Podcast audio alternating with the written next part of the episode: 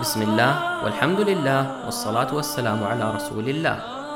قال أنس بن مالك رضي الله عنه أتى علي رسول الله صلى الله عليه وسلم وأنا ألعب مع الغلمان فسلم علينا فبعثني في حاجة فأبطأت على أمي. فلما جاءت قالت ما حبسك؟ أي ما أخرك؟ فقلت بعثني رسول الله صلى الله عليه وسلم لحاجة. قالت ما حاجته؟ قلت إنها سر. قالت لا تخبرن بسر رسول الله صلى الله عليه وسلم أحدا. من صفات الاحترافية في الإسلام الحفاظ على السرية. يقول علي بن أبي طالب رضي الله عنه سرك أسيرك فإن تكلمت به صرت أسيره.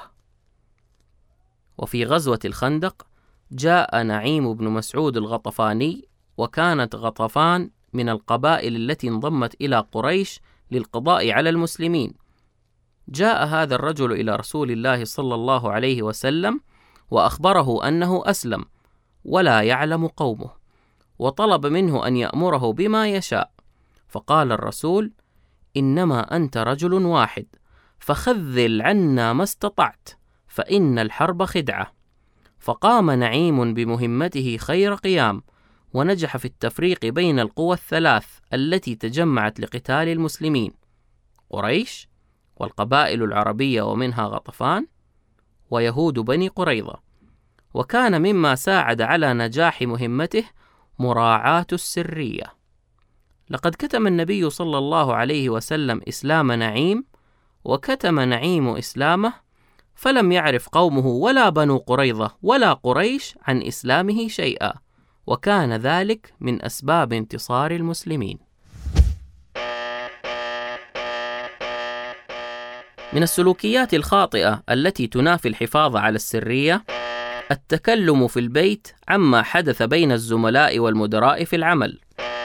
إفشاء ما يحدث داخل العمل بين الأصدقاء أو الأهل بهدف التسلية. إعطاء وتسريب معلومات ووثائق لا ينبغي الإفصاح عنها لجهات قد تكون منافسة لمكان عملك. عدم كتمان أسرار عملك وإفشاء أسرار المهنة. هل تعلم أنك مؤتمن على أسرار عملك وما تكتسبه منه من معلومات؟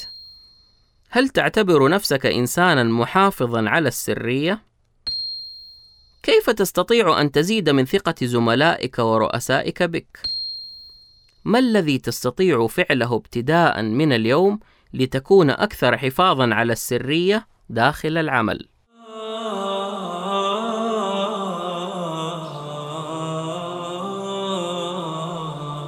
تذكر أنك مؤتمن على المعلومات التي تطلع عليها في العمل وأن إفشاء أسرار العمل ينافي الاحترافية تماما.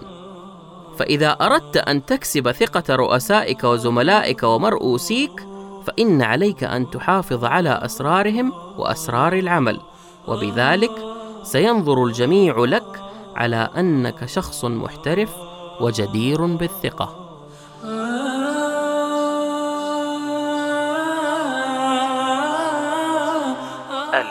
الاحترافية في الإسلام. الاحترافية في الإسلام. إعداد وتقديم المهندس عبد الله الجرف.